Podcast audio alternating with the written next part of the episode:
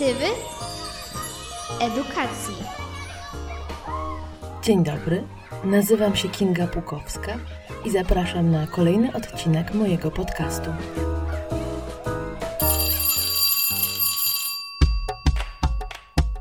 Czy musisz bić się ze szkołą?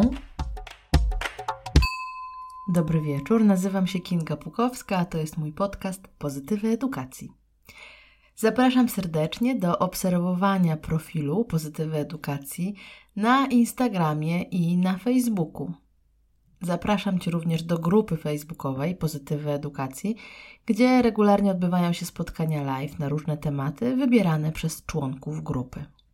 Dziś do podcastu zaproszenie przyjęła Małgorzata Musiał, która wspiera rodziców e, w dogadywaniu się z dziećmi, ale też wspiera rodziców w tym, aby sami siebie dobrze rozumieli. Porozmawiałyśmy o tym, jak wspierać dobrostan dzieci, które chodzą do szkoły, jak my, rodzice, możemy działać i reagować, i o tym, co najważniejsze, czyli właśnie o dobrostanie małych i dużych. Zapraszam do wysłuchania rozmowy.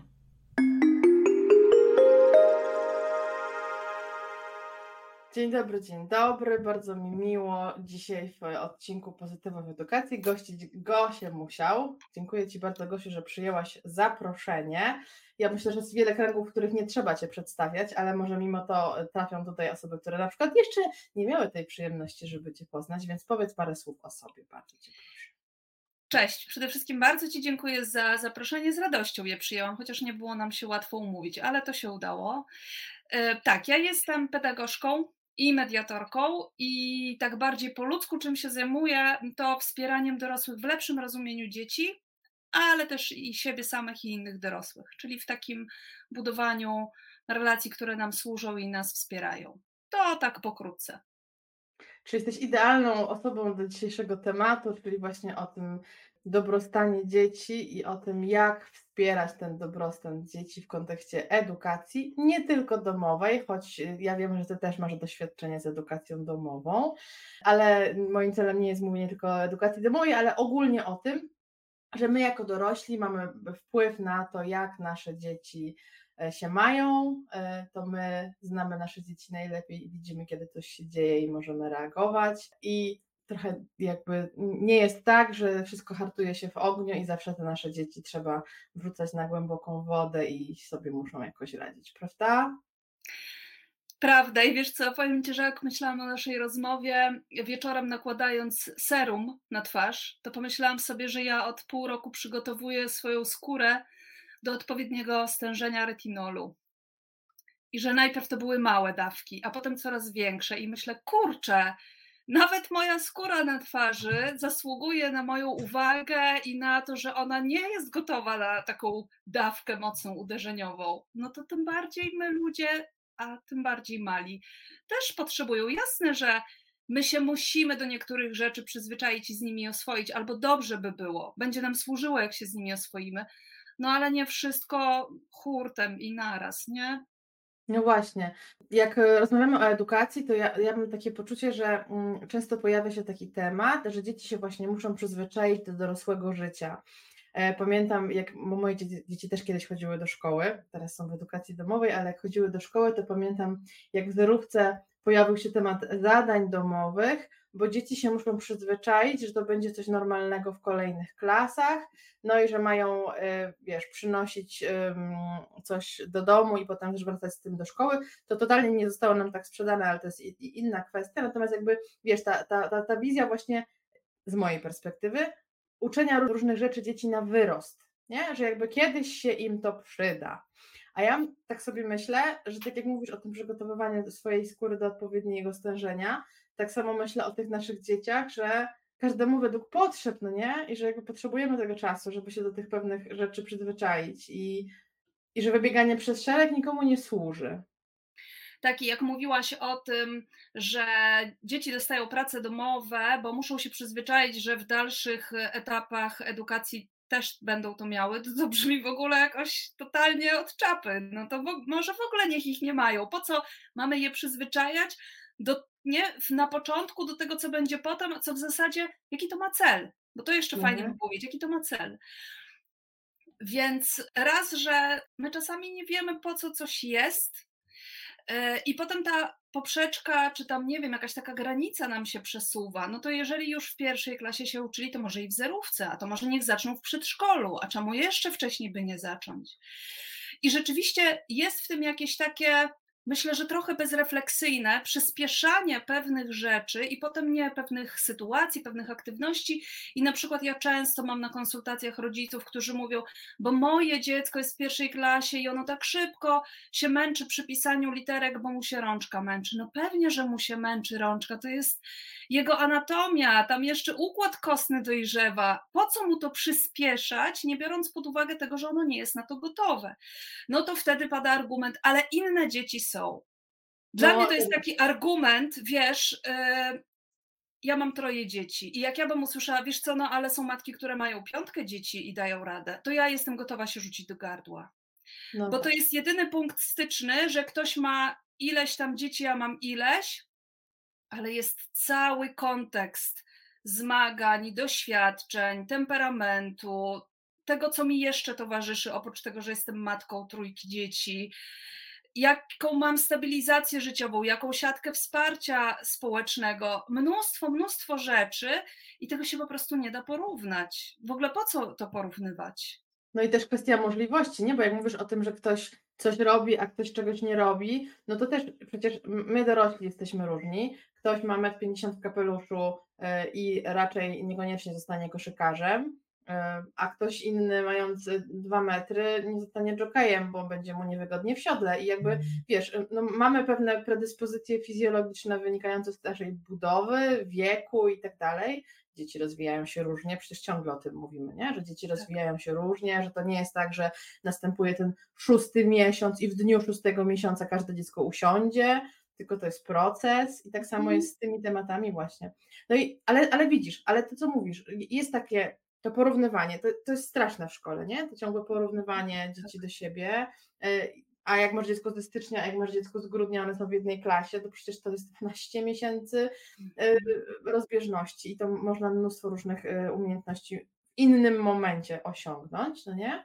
No, no, no właśnie, to, to jak się przed tym, no nie wiem, bronić albo co zrobić, żeby jako rodzic nie dać się w taką właśnie taki wyścig wciągnąć? Wiesz co, myślę, że to jest bardzo trudne, jak my tylko próbujemy się nie dać wciągnąć w wyścig i mi osobiście, ja na przykład nie należę do grupy rodziców na Messengerze czy tam Whatsappie i w tym roku ustawiłam sobie, że do Librusa zaglądam tylko raz w tygodniu.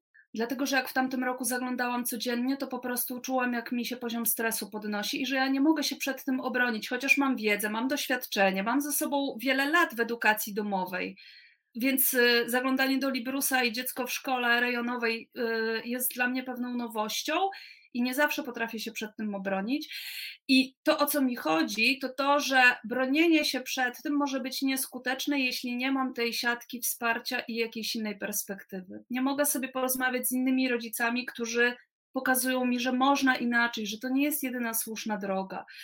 Że wiesz, jak spotykamy się na zebraniach, czy gdzieś tam jest wymiana myśli, zdań między rodzicami dzieci w jednej klasie i te pomysły są różne, oczekiwania są różne, to może być tak, że jeżeli ja odstaję, jestem jedna albo jedna z dwóch czy trzech osób, które uważają, że prace domowe nie są potrzebne, ja sobie mogę pomyśleć, może rzeczywiście przesadzam, może rzeczywiście trzeba te dzieci pocisnąć. I nie wszyscy mają taką niezłomną wiarę, wiesz, w to, w te swoje wartości, w twoje, swoje przekonania. Więc jeżeli mam wokół siebie innych rodziców, to oni mi pokazują, że można do tego podchodzić różnie i że nie ma jedynej słusznej drogi. I to może być czymś takim, co mi jako rodzicowi pomoże stanąć na, mocno na nogach i z podniesioną głową, troszczyć się o to, co dla mojego dziecka ważne, co dla naszej rodziny ważne. To jest coś takiego, co mi w pierwszej kolejności przychodzi do głowy, bo Mm, ja też bardzo nie lubię walki.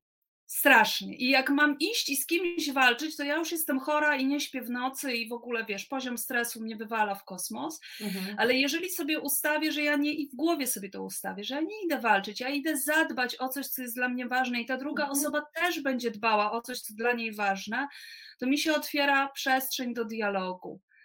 Więc yy, potrzebuję takiego zaplecza, żeby trochę ochłonąć i się nie nastawiać bojowo. E, bo wtedy jestem, y, y, jestem w stanie rzeczywiście zadbać, dogadać się. Nie zawsze, no bo no to tam nie trzeba dwojga. No właśnie, no właśnie. Tak sobie myślałam cały czas, jak mówiłaś, że Twoje doświadczenie w edukacji domowej może być mało wspierające e, w temacie radzenia sobie ze sprawdzaniem Librusa i doświadczeniem e, szkoły rejonowej, ale to chyba trochę na inne, na inne okoliczności. No dobra, ale jakby wracając do, do tematu. Mm, no właśnie, mówisz o tym, o tym walczeniu, że to nie chodzi zawsze o walkę, tylko właśnie o to, że mm, ta zmiana perspektywy, że każdy trochę z tego SNVC, nie? że trochę każdy działa w celu zaspokojenia swoich potrzeb i jakby mhm. dbania o, o rzeczy, które są dla niego ważne. No właśnie, ale mm, jeżeli mówimy o naszych dzieciach, jeżeli mówimy o potrzebach naszej rodziny, no to ja tak sobie myślę jednak, że stawianie ich na pierwszym miejscu w kontekście dobrostanu mojego dziecka jest mega ważne, bo, bo ty widzisz swoje dziecko w domu i wiesz, kiedy ono jest zmęczone, przeciążone, yy, albo że coś jest za dużo i tak dalej.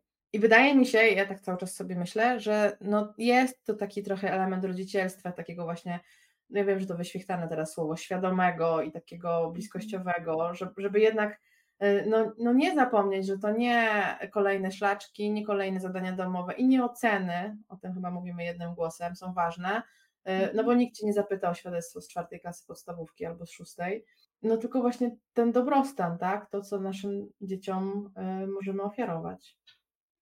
Tak, i wiesz, to jest też takie trudne, dlatego że my jako rodzice byliśmy trenowani do wypierania się swojego dobrostanu. Ja teraz pracuję z dorosłymi, mm, prowadzę warsztaty dla dorosłych i widzę, jak albo sama uczestniczę w jakichś warsztatach i szkoleniach, i widzę, jak dużo tam jest y, tego, co się dzieje tam poza tą częścią merytoryczną, tylko samym procesem, jak to jest różne od doświadczeń szkolnych. Wychodzę do toalety wtedy, kiedy potrzebuję jeżeli chcę jeść, y, bo nie wiem, słabo się czuję, oczywiście, że zapytam, czy ja mogę tu sobie w kąciku usiąść i w trakcie, jak my, y, nie mówię jako prowadząca, tylko jako uczestniczka, w trakcie, kiedy my pracujemy, to czy ja tam mogę sobie coś przekąsić, co nie będzie generowało hałasów, zapachów, oczywiście, ale jednak y, pomoże mi się utrzymać w dobrostanie. Będę szukać wygodnej pozycji dla siebie, będę ją zmieniać, jeżeli będę potrzebowała, to wstanę i będę chodzić. I ja na żadnym szkoleniu nie spotkałam się z tym, żeby prowadzący albo inni uczestnicy powiedzieli bez przesady. A w szkole to jest nagminne. I teraz wiesz, oczywiście, że można to wytrzymać i można się tego nauczyć, tylko myślę sobie, po co? Tak, a ja jeszcze mam jedną kwestię, bo to, to mówisz, że są podstawowe fizjologiczne potrzeby i to już w ogóle jest dla mnie absurdem, że to w jakiś sposób jest regulowane i reglamentowane. Ale jak na przykład mówimy właśnie o y, nauce samej, prawda, że jakby popatrz, dzieci, y, teraz przeładowane szkoły, te kalendarze są różne, czasami te dzieciaki wracają późno do domu, nie wiem, kto układa plany lekcji, że ktoś ma zajęcia do późna, a potem następnego dnia ma od rana, mhm. y, no różne tego typu absurdy, no i te nieszczęsne zadania domowe, no i widzisz, że no, te dzieci spędzają nad tymi książkami mega dużo czasu. I trochę mam tak, że wiesz, w mojej i twojej bańce pewnie to budzi pewien niepokój i to budzi pewien sprzeciw, że, że nie, że tego jest za dużo. No ale z drugiej strony to, co mówiłaś już wcześniej, rodzice są różni i są też tacy, którzy uważają, że to jest w porządku, że mhm. tak trzeba, nie? I że te dzieci wcale nie są przemęczone, albo inaczej, życie tak wygląda, niech się uczą. Tak, i dobrze im to zrobi. Y, I zdarza się, że słyszę na zebraniach od rodziców głosy w, w stosunku do, w kierunku na wychowawczyni czy moi tam się, czy moje dzieciaki tam się dobrze sprawują, bo jak nie, to trzeba ich docisnąć. E, I teraz myślę sobie, ja nie jestem od tego, żeby iść i z tym rodzicem rozmawiać, że nie, to nie jest dobre podejście. Ja jestem tylko od tego, żeby zadbać o moje dziecko. I ja chcę, to nie chodzi o to, że mnie reszta dzieci nie interesuje, tylko wszystkich żuczków nie obrócę, całego świata nie uratuję. Więc ja chcę iść do wychowawczyni i powiedzieć, co się u nas nie sprawdza, czy do nauczyciela. U nas Mhm. się to nie sprawdza. Moje dziecko jest przemęczone, siedzi o 23. Ja mówię, nie rób tej pracy domowej, a ono płacze, że musi, bo pani nakrzyczy albo dostanie złą ocenę, bo są takie Mhm. dzieci, które się tym przejmują i im się tego nie zabierze. Mhm. I mi się strasznie podoba, jak o tym Agnieszka Misiak mówi. W jednym z jej webinarów usłyszałam, że to jest tak, że nikomu nie będzie tak zależało na dobrostanie mojego dziecka jak mnie. Więc jeżeli ja Mhm. idę raz do nauczyciela i drugi raz i trzeci i nic się nie zmienia, to nie znaczy, że mam się obrazić na szkołę. Albo powiedzieć, no trudno, tu się nie dogadamy. Tylko ja chodzę, nawet jak ten nauczyciel na mój widok ma odruch wymiotny i odwraca się napięcie i ma już dosyć, to ja tam chodzę cały czas z tym komunikatem. Znajdźmy rozwiązanie, u nas to nie działa, bo moim zdaniem, jeżeli my nic nie będziemy z tym robić, jest inna y, kwestia, kiedy nam to nie przeszkadza, ale jeżeli nam to przeszkadza i my nic z tym nie będziemy robić, to w imię czego nauczyciel miałby się zastanawiać, czy akurat Jasiowi nie jest za dużo przypadkiem. On tego nie zrobi, bo nauczyciele też tam mają swoje e, i wyzwania, i doświadczenia, i przekonania, i całe zaplecze różnych e, okoliczności. To jest moje zadanie. Ja tak widzę bycie rodzicem w szkole, żeby Mhm. dawać informacje. Mają też innych rodziców, którzy mają inny feedback i jakby tutaj też ciężko znaleźć rozwiązanie. No Ja się z właśnie. Tobą bardzo zgadzam, natomiast ja też mam takie poczucie, że dzieci no nie mają czasu, żeby czekać na zmianę i dla Mhm. mnie na przykład, no trochę też sobie myślę o tym, że, że warto iść czasami krok dalej, poszukać innych rozwiązań i że to, co mówisz, że nie, nie chodzi o obrażanie się na szkołę. No nie chodzi o obrażanie się na szkołę, ale jeżeli wiesz, że głową muru nie przebijesz i Mhm. wiesz, że będą te zadania domowe i wiesz, że twoje dziecko będzie cały czas miało problem z tym, że ich nie robi i tak jak mówisz, ono się tym przejmuje, bo jest ambitne, bo to jest jego wrażliwość i tak dalej, to ja sobie myślę, że no mamy różne możliwości, czy właśnie zmianę klasy, czy zmianę szkoły, czy edukację domową, czy alternatywną. Jak już Ci mówiłam, ja mam dużą trudność z mówieniem tym, z takim pogo- pogodzeniem się, że nie każdy może sobie na to pozwolić, albo nie każdy, nie dla każdego jest to dostępne. Bardzo mi się podobał ostatnio też jakiś post o tym, że to nie jest kwestia, czy ja mogę, czy nie mogę, tylko jakie są moje priorytety. I ja myślę sobie, że jeżeli Mhm. mam jakiś priorytet, to szukam strategii i rozwiązań, żeby do tego dojść, Tak. no nie? E, Ale to jakby jest na inną rozmowę. Natomiast myślę sobie, że tak, jako rodzic chodzę do nauczyciela i rozmawiam z tym nauczycielem, ale jest pewna też granica. Jest Tak. pewna granica, prawda? Tak. Tak, oczywiście. Y, Ja myślę, że tu w ogóle warto patrzeć na całokształt, bo czasami to mogą być jakieś bzdury, pierdoły powiedzmy. No, drobiazgi, o tak bardziej elokwentnie. Dobra, no coś mogłoby się zmienić, ale widzę, że moje dziecko generalnie lubi szkołę, lubi tam chodzić i gra jest warta świeczki. Warto, się, mm, warto koło tego trochę pochodzić i poinicjować tę zmianę. Ale Mhm. też wcale nierzadko pracuję z rodzicami, którzy mówią, że jest coraz gorzej i to już nawet nie jest dobrostan ich dziecka, tylko całej rodziny, że to jest codzienne szarpanie się, walka, wzywanie na dywanik, skargi, zażalenia i tak dalej. I że z tygodnia na tydzień jest coraz trudniej, więc to jest. A jest w rodzicach jakaś taka, i teraz zastanawiam się, czy to jest nadzieja, że coś się zmieni, czy to jest lęk przed tym, żeby zrobić trochę taki krok w ciemność O i właśnie, krok poszukać w ciemność. czegoś, Tak. czegoś innego, czegoś, w zobaczyć, czy no po prostu mojemu dziecku nie, nie będzie służyła inna forma. Myślę, że to jest tak, że krok w ciemność się dwa, że naprawdę to zaplecze często jest takie, nie? że my, my jesteśmy, czujemy się osamotnieni i wtedy jakoś tak chciałabym uhonorować tych rodziców, że to są trudne decyzje, nawet nie dlatego, że są trudne, tylko dlatego, że my często czujemy się osamotnieni i- odizolowani i możemy mieć wątpliwości, czy nie przesadzamy, więc e, Mm, Więc no, to jest złożony temat, ale na pewno, jeżeli jest tak, że widzę, że to nie służy mojemu dziecku, że jemu jest tam coraz trudniej i ono wcale sobie nie wytwarza kompetencji jakichś, żeby sobie z tym radzić, to tak, to, to nie jest jedyne rozwiązanie. I naprawdę nie Mhm. musimy dziecku przekazywać takiej informacji, że trzeba tkwić w tym, co nam nie służy w imię wytrwałości, systematyczności, hartowania się, że to jest bullshit, że to nieprawda, że jeżeli ja widzę, że coś mi odbiera radość życia, zabiera mi miejsce na piękne rzeczy, na rozwijanie potencjału, kreatywności, moich pasji, to ja wcale nie muszę w tym trwać.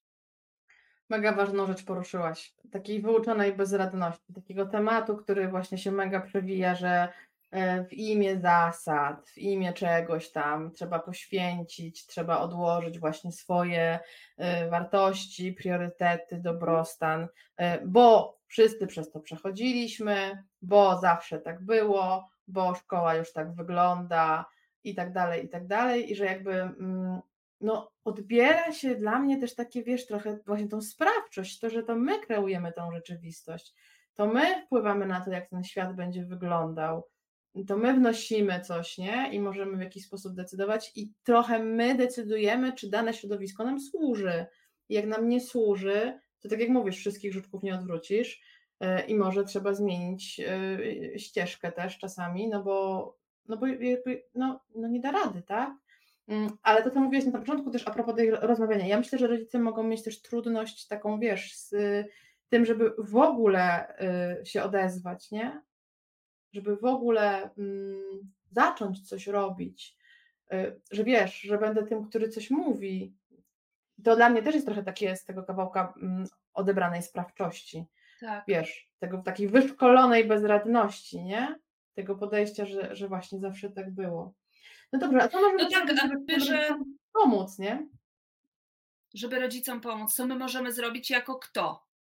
No właśnie, jako kto? To jest dobre pytanie z Twojej strony. Wiesz, no bo to, co my możemy zrobić we dwie, rozmawiając tutaj, to myślę sobie pokazać, hej, nie musi tak być. To naprawdę nie jest mhm. normalne i nie ma w tym nic, nie musi być w tym nic wartościowego, że wy zaciśnięcie, zaciśnięcie zęby i przetrwacie. Bo jeszcze myślałam sobie, wiesz, Kinga, jak mówiłaś o tym, z jakich e, Mm, przekonań może wypływać to, że trzeba, trzeba przeżyć. Mhm. To, że jeszcze pojawia się czasami taki argument, no ale to nau- jak ja teraz wycofam dziecko ze szkoły, zmienię, to to nauczy dziecko, żeby uciekać od trudności, że to jest takie mhm. zero-jedynkowe. Że nie, przecież to nie chodzi o to, że za każdym razem, jak są tu trudności, to ja mówię dziecku, o to uciekajmy stąd. Ale ja mu pokazuję, że są takie trudności, które nie są warte naszego zaangażowania, albo inaczej, że nasze radzenie sobie z tymi trudnościami oznacza odwrócenie się i poszukanie czegoś, co jest dla nas bardziej wspierające. Mhm. Więc to, że ja zabiorę dziecko ze szkoły, która nie słucha jego potrzeb, nie jest w stanie ich uwzględnić i chociaż na, jakoś w części na nie odpowiedzieć, to nie jest dla niego sygnał, że o, jak się robi trudno, to uciekajmy. Bo są inne obszary, w których ja mogę mu pokazać, jakie jest wartościowe e, przezwyciężenie rutyny, na przykład kiedy ono chodzi na swoje ukochane treningi. I jest zima, ciemno, zimno, i ono mówi, a nie chce mi się wychodzić, bo w domu jest cieplutko. Mówię, no tak, a pomyśl sobie, czy wartością nie jest dla ciebie to, żeby pojechać na te zawody, albo że dobrze się czujesz po tych treningach. I tam możemy pokazywać tą wytrwałość, ale są też takie momenty, w których możemy powiedzieć, nie, słuchaj, jak ci coś nie służy, to nie bądź w tym.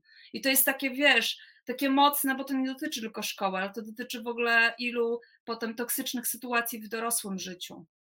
Tak, ale jakie to jest e, wspierające i przed czym to może e, e, mm, chronić nasze dziecko w przyszłości, jakie to może mu dać narzędzie, bo to, co powiedziałaś już wcześniej, jaki jest cel, nie? jaki jest mhm. cel mnóstwa różnych rzeczy, które dzieje się w życiu naszym i naszych dzieci, jak rzadko zadajemy sobie pytanie o ten cel, jak wiesz, tak, mhm. tak, nie, tak, tak co do meritum, no bo to jest, to jest dla mnie taki kawałek, bo jak mówimy o szkole i o tym, że właśnie że zadania domowe, że mm, uczenie do późna i mnóstwo tych rzeczy, które właśnie odbierają tą sprawczość, no właśnie, i, i, i ja zawsze myślę o tym braku otwartości z drugiej strony, bo jak jest otwartość i próbujemy się spotkać, też zawsze zachęcam, porozmawiajmy, no nie?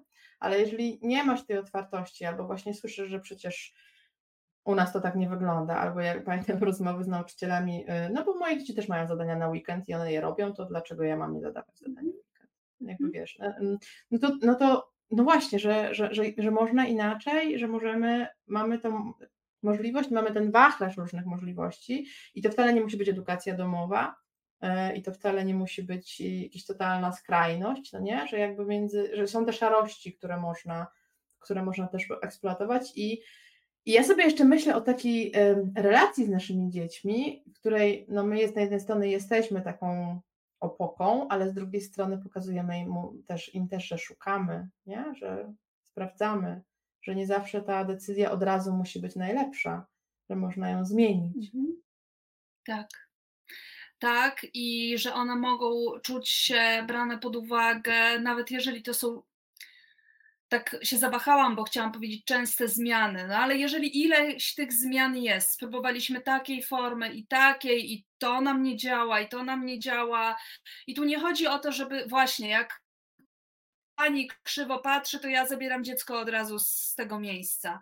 Tylko, że widzę, że kurczę, no tu były nadzieje, nie sprawdziło się, spróbujmy tutaj. Czasami to jest kilka zmian, zanim poczujemy, że to jest nasze miejsce, że to jest ta forma ale jeżeli cały czas, bo to też jest myślę, wiesz, istotne, żeby zadawać sobie pytanie, czy moje dziecko jest brane przeze mnie pod uwagę, czy ja głównie swoim się kieruję.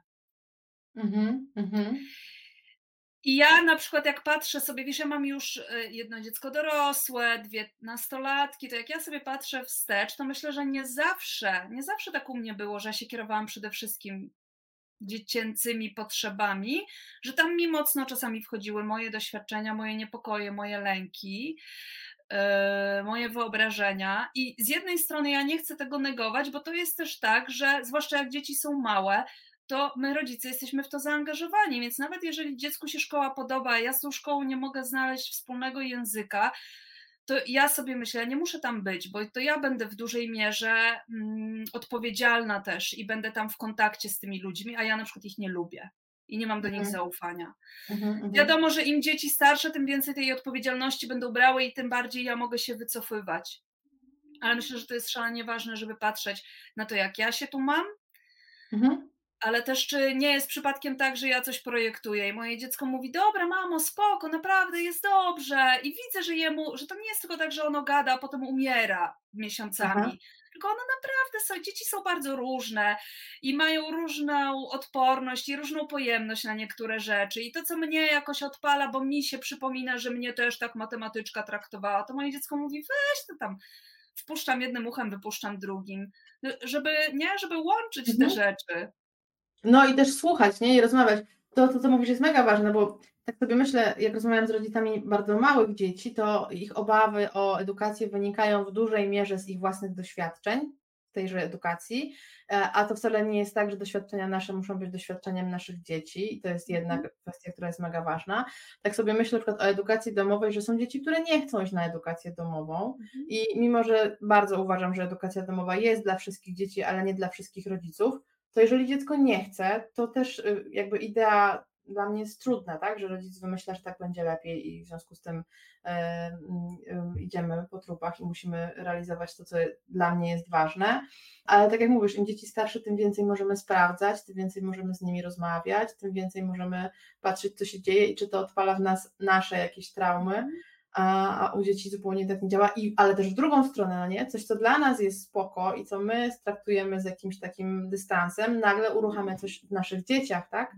Bo mają inną wrażliwość albo inne tematy, które u nich coś, coś robią i to też jest taka uważność rodzicielska, żeby to zauważyć, że tak. to jest.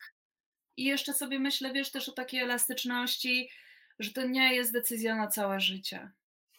Mi tak. się zdarzyło kilka konsultacji z rodzicami, którzy właśnie nie wiedzieli, jaką e, szkołę podstawową wybrać dla swoich zerówkowiczów.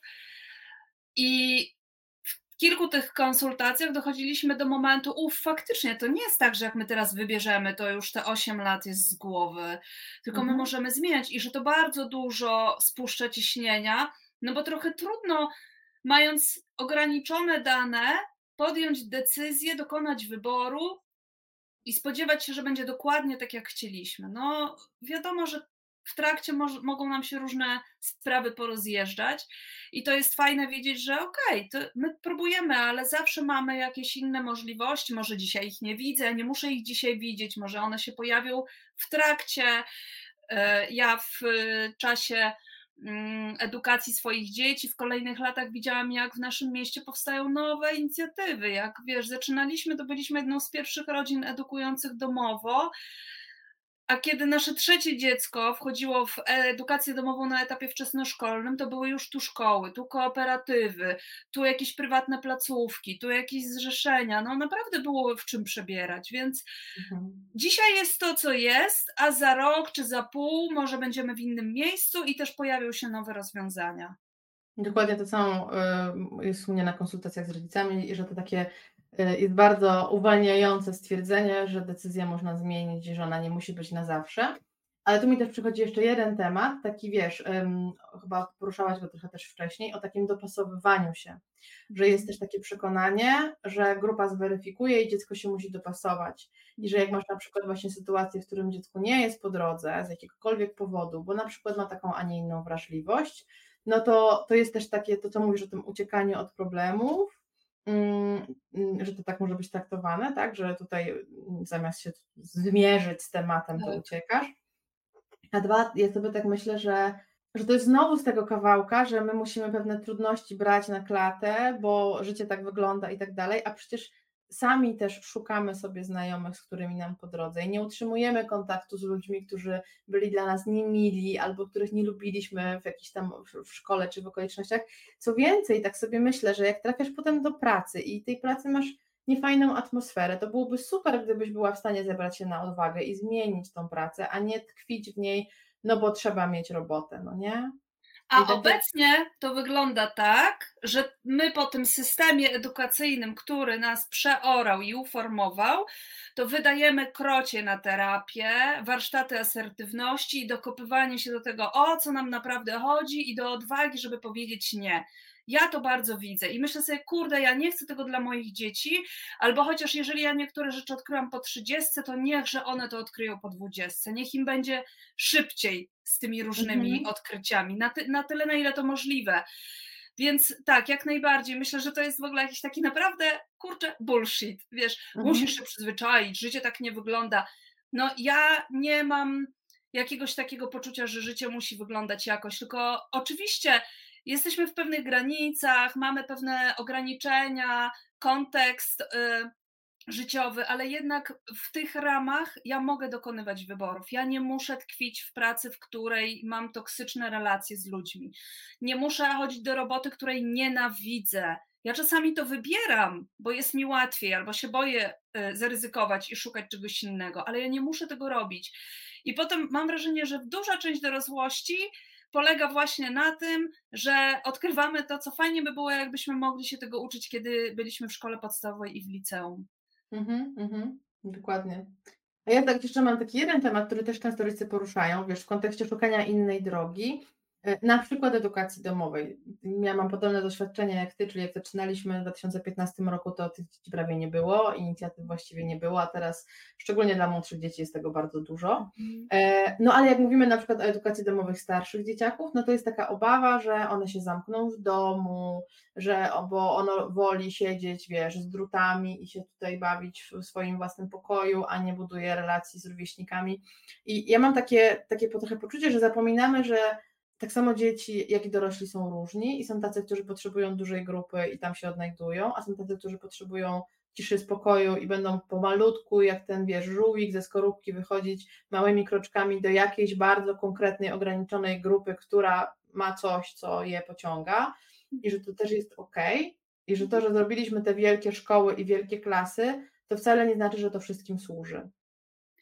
Nie, i jak na przykład rozmawiam z rodzicami, którzy mają swoje dzieci w szkołach systemowych od samego początku, to wcale nierzadko słyszę, ale moje dziecko nie ma tam żadnych przyjaciół. Ono tam chodzi, ociera się o innych ludzi, wchodzi w interakcję na tyle, na ile to jest jakoś, wiesz, narzucone, wymagane, ale wcale nie ma żadnej gwarancji, że tam nawiążą się przyjaźnie, zdobędziesz znajomości i w ogóle, że tylko szkoła zapewnia tą osławioną socjalizację.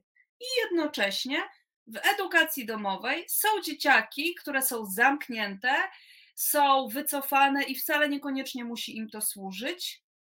I są takie, które znam i wiem, że po prostu żyją tak aktywnie i, i mają takie spektrum zainteresowań, grup, do których należą, wyjazdów, w ogóle wiesz.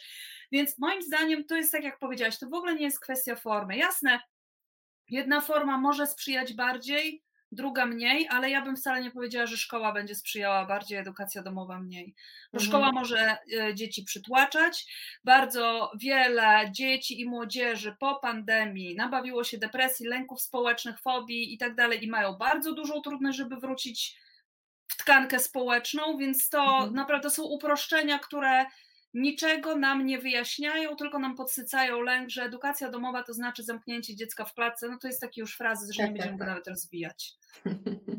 Tak, tak, ale też tak sobie myślę nawet nie w kontekście edukacji domowej, ale w ogóle tej wrażliwości dziecięcej, że jakby y, mamy takie poczucie, że dzieci potrzebują tej grupy rówieśniczej, mm. że one muszą w tych wieś, mhm. strukturach, a jednak tak samo jak są dorośli, którzy wybierają na przykład świadomie pracę, y, wiesz, w własnym domu w czterech ścianach, bo się tak czują najlepiej i dawkują sobie te kontakty społeczne wedle własnych upodobań, tak samo będą dzieci, które będą lepiej się czuły właśnie w gronie rodzinnym, w swoim pokoju, a niekoniecznie od razu w 30-osobowej klasie, gdzie właśnie jest hałas, jest e, dużo różnych właśnie przepychanek i tak dalej, więc też tak sobie myślę, że warto temu dziecku się przyglądać i sprawdzać, co mu służy, no nie? I tak. To tak, oddawanie tak. kompetencji rodzicom, no nie? Także jakby podnoszenie tego, że naprawdę wy wiecie, wy znacie, widzicie te dzieci od urodzenia i jesteście w stanie tak wiele o nich na pewno powiedzieć. Nie? Mhm. Że warto przyglądać się. I... Tak, i jednocześnie um, wzbudzanie w rodzicach takiego poczucia zaufania, że prawdopodobnie z ich dzieckiem nie dzieje się nic złego, bo jest takie parcie, że ojej, no moje dziecko nie ma przyjaciół, albo ono woli siedzieć z nosem w książce. Czy wszystko jest dobrze? I ja w zasadzie, jak słucham rodziców, siebie też, żeby nie było, to mam wrażenie, że jakie by te dzieci nie były, to my i tak znajdziemy jakiś powód do obaw i niepokoju. Mhm. Więc y, tak, twoje dziecko może być, może mieć introwertyczną naturę, to znaczy będzie ładowało sobie energię z kontaktu z samym sobą. I my nie patrzymy, nie porównujemy go do innych dzieci, tylko patrzymy, czy jest w tym jakaś równowaga, czy gdzieś tam te mhm. kontakty jednak są. Może ich jest mniej, może są bardziej wyselekcjonowane. Może potrzeba dziecku więcej czasu, żeby komuś zaufać i się otworzyć, i będzie niechętnie chodziło na huczne imprezy i tak dalej, ale może ja widzę, że to nie jest lękowe, to nie jest z wycofania, tylko to jest tak, że mamo, dla mnie to jest okej, okay, ja się czuję z tym dobrze. To mhm. jest tak, jak ja chcę, żeby, żeby wyglądało moje życie. Lubię być sobie w pokoju 6 godzin, sam, sama, i potem dopiero jak poczuję, że chcę do ludzi, to idę do ludzi. Mhm. Mhm. Tak. Tak, ja myślę sobie, że to, co mówisz, to e, po pierwsze to zaufanie, to podnoszenie kom e, poczucia kompetencji. Ja pamiętam, jak przechodziliśmy na edukację domową, to padły takie słowa, czy ja mam wystarczające kompetencje jako mama, żeby się tym zajmować. Nie? Jakby ja mam wrażenie, że trochę w drugą stronę teraz jakiś czas temu zadziałał system właśnie odbierania tego poczucia kompetencji rodzicom, że my nie jesteśmy specjalistami, że my się nie znamy. I to nie znaczy, żeby nie konsultować, nie pytać, nie rozmawiać, nie weryfikować swoich wizji z kimś z zewnątrz, bo ktoś z zewnątrz spojrzy inaczej. Natomiast, żeby też nie dać e, się takim właśnie tendencją do tego, że my się nie znamy i nic nie wiemy, bo jednak nadal ja myślę, że to my najwięcej widzimy i najwięcej wiemy i najwięcej rzeczy możemy wyłapać. I to jest jeszcze dla mnie pytanie o to, co, co to, w jakim obszarze mają być te kompetencje.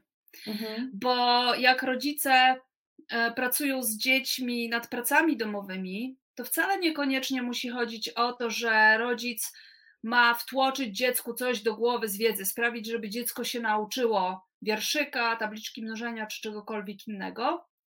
Ale ja jak pracuję z rodzicami, to im mówię często, że to nie jest takie ważne, ale ważne jest, żebyście pomogli dzieciom uczyć się uczyć. Mhm. Żebyście im pomogli zwracać na przykład uwagę na to, że ich ciało wysyła sygnały, że to już jest za dużo, jest zmęczone. I żeby powiedzieć, hej, chyba potrzebujesz przerwy. A ja do tego nie, nie muszę mieć, wiesz, studiów z biologii, nie? Mhm, to są mhm. proste rzeczy, proste w tym sensie, że one nie wymagają jakiejś specjalistycznej wiedzy, trochę wymagają tego, żeby zmienić sobie perspektywę i się nastawić na to, że ja nie jestem po to, żeby dowieść zadanie z matematyki, tylko mhm. po to, żeby powiedzieć mojemu dziecku, no uczenie się to jest pewna sztuka, ja ci pomogę to zrobić krok po kroku. Mhm, mhm. Tak, tak, to myślę, że to jest mega ważne. W ogóle tak sobie myślę, trochę już podsumowując y, ten temat, że jakby właśnie to, o czym zaczęłaś mówić, o tym dobrostanie naszych dzieci, że umiejętność pokazywania naszym dzieciom gdzie są właśnie ich granice, żeby same się tego nauczyły, tego swojego dobrostanu, tak? Że to jest takie, takie ważne, że tylko też tak sobie myślę, że wielu rodzicom trudno jest się zdystansować do opinii innych. Dlaczego ludzie boją się edukacji domowej? Bo boją się opinii innych, bo boją się tego, co powiedzą ci z zewnątrz, bo to o tym Ola Sawicka też zawsze fajnie podnoszę, to mówiła w podcaście właśnie, że jak pojawiasz się w jednym miejscu, gdzie ludzie tego nie rozumieją albo to krytykują i jest ci trudno, no bo przy takim mhm. ładunku z zewnątrz po prostu jest ci trudniej. Tak jak mówiłyśmy wcześniej, moje dziecko się męczy przy pisaniu literek, a tamte już potrafią, no to co jest z moim dzieckiem nie tak, tak? Mhm. Trudniej jest powiedzieć sobie, nic nim nie jest nie tak, potrzebuje więcej czasu. Mhm. A być może za 5 lat będzie pisać wyłącznie na klawiaturze. Mhm. No Jeśli mam zaplecze innych ludzi ze sobą, którzy dzielą się swoimi doświadczeniami albo patrzą podobnie, to będzie mi troszkę łatwiej może. Mhm, nie? I tak pewnie biologicznie tam y, coś się we mnie poruszy, no bo to jest jakieś, jakaś forma odrzucenia, kiedy ktoś mówi, ale wybór beznadziejny, mhm. ale jednak może być, może mi być łatwiej to stonować tym doświadczeniem, że są inni ludzie, którzy edukują domowe, ja ich znam, znam tego Janka, który tak długo nie pisał i widzę jak teraz pisze i wiem, że to nie jest tak, że on musi to zrobić koniecznie w pierwszej klasie, bo jak w pierwszej nie będzie umiał, o to kochana już polegliście, więc y, ja będę się bardzo mocno mm, przy tym zatrzymywać, że rodzic, żeby móc wesprzeć dziecko, to musi też czuć, że ma gdzieś wsparcie, bo z, nie z próżnego Salomon nie mhm. naleje. No właśnie, i tutaj dochodzimy chyba do finału, czyli żeby pokazać dzieciom i pomóc im wspierać ich własny dobrostan, to trzeba zadbać o swój. No bardzo. No bardzo, no właśnie tak jak mówiłaś, sobie pomyślałam, wiesz, no jeżeli ja nauczyłam się ignorować e, swój dyskomfort, no to jak mhm. ja mam mhm. dziecku pomóc? Się Dokładnie. o niego troszczyć. Nie? Jeżeli ja potrafię z pełnym pęcherzem siedzieć o pustym żołądku i y, ciałem, które mówi, o jeny, idźmy na spacer i potrafię się skupić, no to ty chyba na litość boską też potrafisz te 10 minut dokończyć szlaczki. Tak, albo ja muszę iść do tej pracy, co jej tak strasznie nie lubię, bo nie lubię, ale muszę, no to mhm. nie marudź mi tutaj, że ty nie chcesz iść do szkoły. Mhm. Wszyscy jakoś y, to robimy i dajemy radę. I dajemy radę. Wczoraj, mhm. wczoraj też był webinar właśnie o dawaniu rady. Co to znaczy, że dajemy radę? Mhm. A co to znaczy, że nie dajemy rady? I, I, właśnie czy proszenie o pomoc jest dawaniem, czy nie dawaniem sobie rady? To I zawsze spoiler? Y, no wiadomo. E, ja myślę sobie, że wszystkie takie rozmowy zawsze generują kolejne wątki, które można by tak pięknie rozwijać i pięknie budować. I, i wiesz, tak jeszcze na koniec sobie myślę, ja prowadzę zajęcia w klubach rodziców w Krakowie i często o tym rozmawiamy, że żyjemy w pewnej bańce, bo do naszych klubów rodziców przychodzą specyficzni rodzice, którzy wiedzą, jaka jest myśl przewodnia w naszych klubach.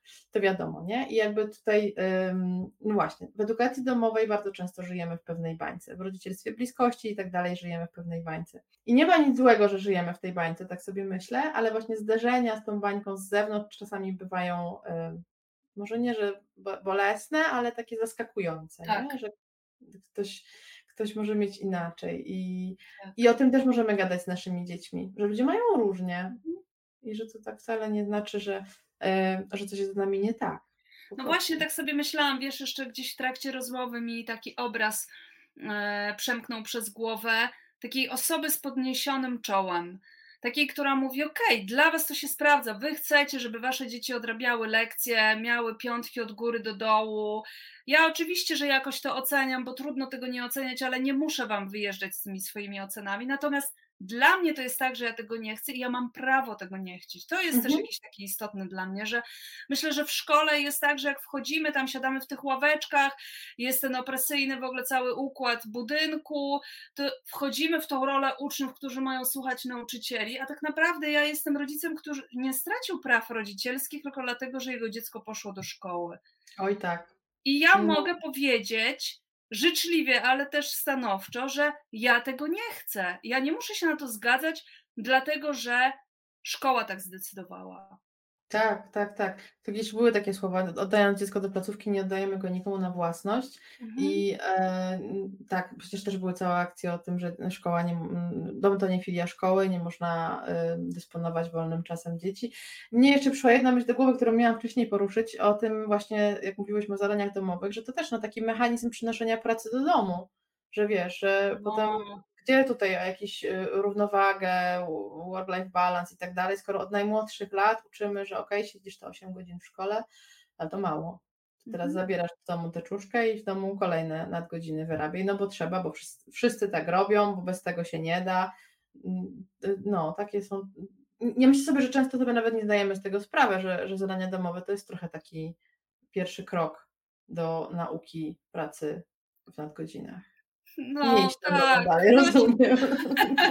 Ale tak, bardzo się z tym zgadzam i też tak sobie myślałam, jak mówiłaś o tych pracach domowych w weekendy, że ja jako rodzic mogę powiedzieć, rozumiem, że pani dzieci mają prace domowe, jednocześnie ja nie chcę, żeby moje miały. To nam dezorganizuje tak. życie rodzinne. I wiesz, ja też wiem, że są dzieci, które będą się spinały, że na przykład tak. tylko one nie będą miały zadań domowych. I jak mhm. nauczyciel powie, no dobrze, to proszę bardzo, niech pani dziecko nie robi, nie będę wstawiać złych ocen, zrobię mhm. ten wyjątek, to i tak może być tak, że dziecko powie, a ja nie chcę być inny niż wszyscy. Są takie dzieci, które mają takie wysokie tak. standardy moralne, więc to nie jest wszystko takie zero-jedynkowe, nie? Nie, nie jest.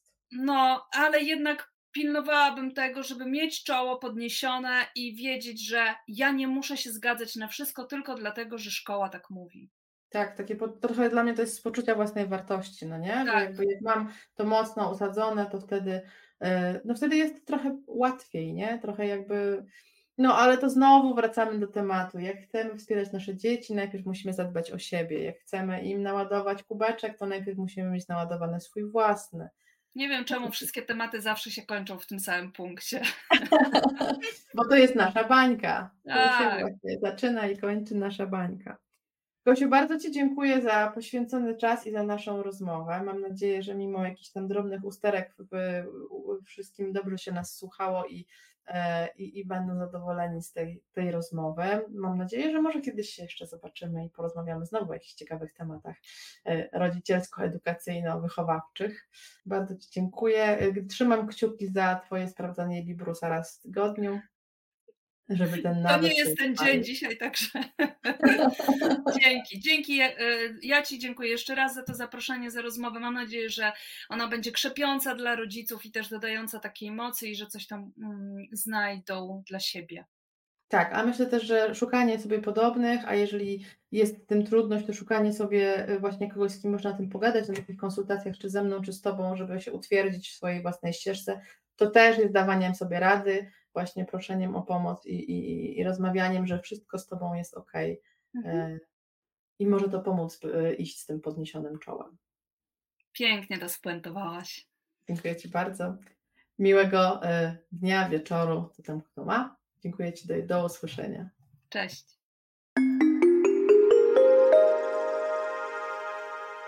To był kolejny odcinek podcastu Pozytywy Edukacji. Ja nazywam się Kinga Pukowska i serdecznie zapraszam Cię do obserwowania profilu Pozytywy Edukacji na Instagramie i na Facebooku. Mam nadzieję, że ten odcinek był dla Ciebie wspierający, a jeżeli poruszył w Tobie jakieś emocje, napisz do mnie kinga.pukowska.pozytywy.pl Odpisuję na wszystkie maile. A jeżeli chcesz spotkać Małgosię, to możesz ją znaleźć w mediach społecznościowych jako dobrą relację. I możesz umówić się na spotkanie zarówno z Małgosią, jak i ze mną, jeśli masz ochotę porozmawiać z kimś o swoim rodzicielstwie, o wychowaniu, o swoich dzieciach albo o edukacji właśnie. Zapraszam. Dzięki za Twój czas i do usłyszenia.